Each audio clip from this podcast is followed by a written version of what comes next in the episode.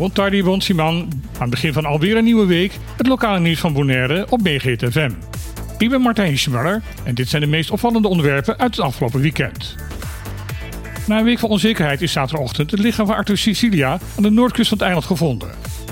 Eerst moet nog het forensisch team van de politie de identiteit van het gevonden lichamelijk overschot vaststellen. Maar na een paar uur werd het duidelijk dat het inderdaad om een persoon ging die al bijna een week vermist werd.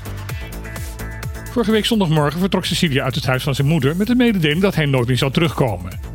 Later die dag werd hij nog gezien in het gebied rondom Arawak. Zoekacties in dat gebied leverden de dagen daarna wel de vondst op van een aantal persoonlijke bezittingen, maar hij zelf werd daarbij niet aangetroffen. Na het vinden van het lichaam in de buurt van Moritin komt er nu een eind aan dit drama. We wensen de familie heel veel sterkte toe. Na 13 jaar waar het maar niet in wilde lukken, is het nu eindelijk zover. Het OB heeft goedkeuring gekregen voor de financiële jaarrekening voor het openbaar lichaam over het jaar 2022.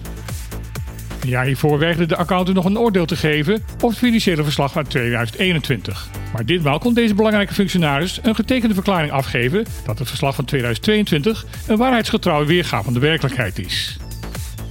Volgens de verantwoordelijke gedeputeerde Jolinde Kranen is deze handtekening het mooie resultaat van de grote inzet van veel medewerkers binnen het OLB. De nu goedgekeurde jaarrekening laat trouwens een positief resultaat zien van 2,2 miljoen. Dat is veel geld, maar een heel stuk lager dan de overschotten die gemeld werden in de overzicht van de jaren daarvoor.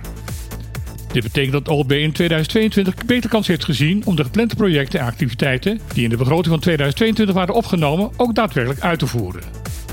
Het huidige overschot wordt voornamelijk veroorzaakt door de extra opbrengst van de nieuwe toeristentax, naheffing of de nog niet eerder geïnde aanslagen uit de oude versie van de toeristenbelasting en hogere inkomsten uit de motorrijtuigenbelasting dan vooraf was voorzien.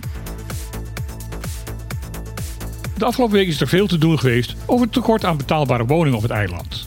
De vereniging Asfateca bracht een brief uit waarin wordt gezegd dat het bestuurscollege de huidige erfpachtregeling op de schop zou willen nemen en dat deze gronden voortaan tegen marktconforme prijzen verkocht zouden gaan worden. Hiermee zouden deze gronden volgens de woordvoerder van de vereniging, Michiel Bijkerk, opgekocht gaan worden door rijke projectontwikkelaars en daarmee onbereikbaar zijn voor de gewone Bonaireaan. Om hier tegen te protesteren is de vereniging een petitie gestart. Het bestuurscollege van Bonaire stelt daarentegen dat deze voorstelling van zaken geheel bezijdig de waarheid is. Volgens haar moet het nieuwe grondbeleid juist garanderen dat elke Bonaireaan een goede en betaalbare woning kan krijgen en dat elke inwoner van het eiland een erfpachtgrond zal moeten kunnen krijgen tegen een rechtvaardige prijs.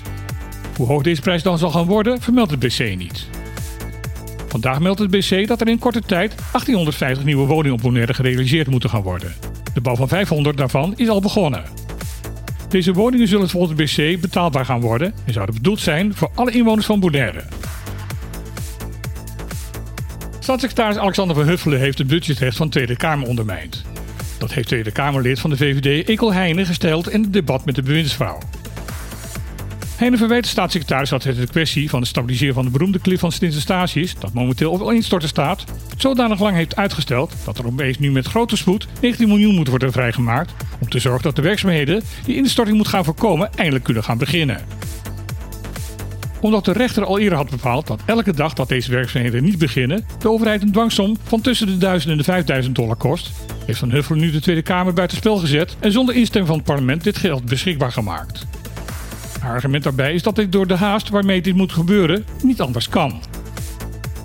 Hij is met deze redenering niet eens. Volgens hem wist de staatssecretaris al sinds december vorig jaar dat deze dwangsom eraan zou komen en dat er dus geen sprake is van een onvoorziene panieksituatie. Hij vindt het onbegrijpelijk dat de buurvrouw zo laks is geweest in deze kwestie. Hij verbond geen moties of consequenties aan zijn opmerkingen. Hij vindt dat deze kwestie besproken moet gaan worden in de Kamercommissie voor Koninkrijksrelaties. Volgens hem moet daar het debat gevoerd worden. Dit was weer het lokale nieuws van deze week. Iedereen nog een coole dag toegewenst. En dan heel graag weer. Tot morgen.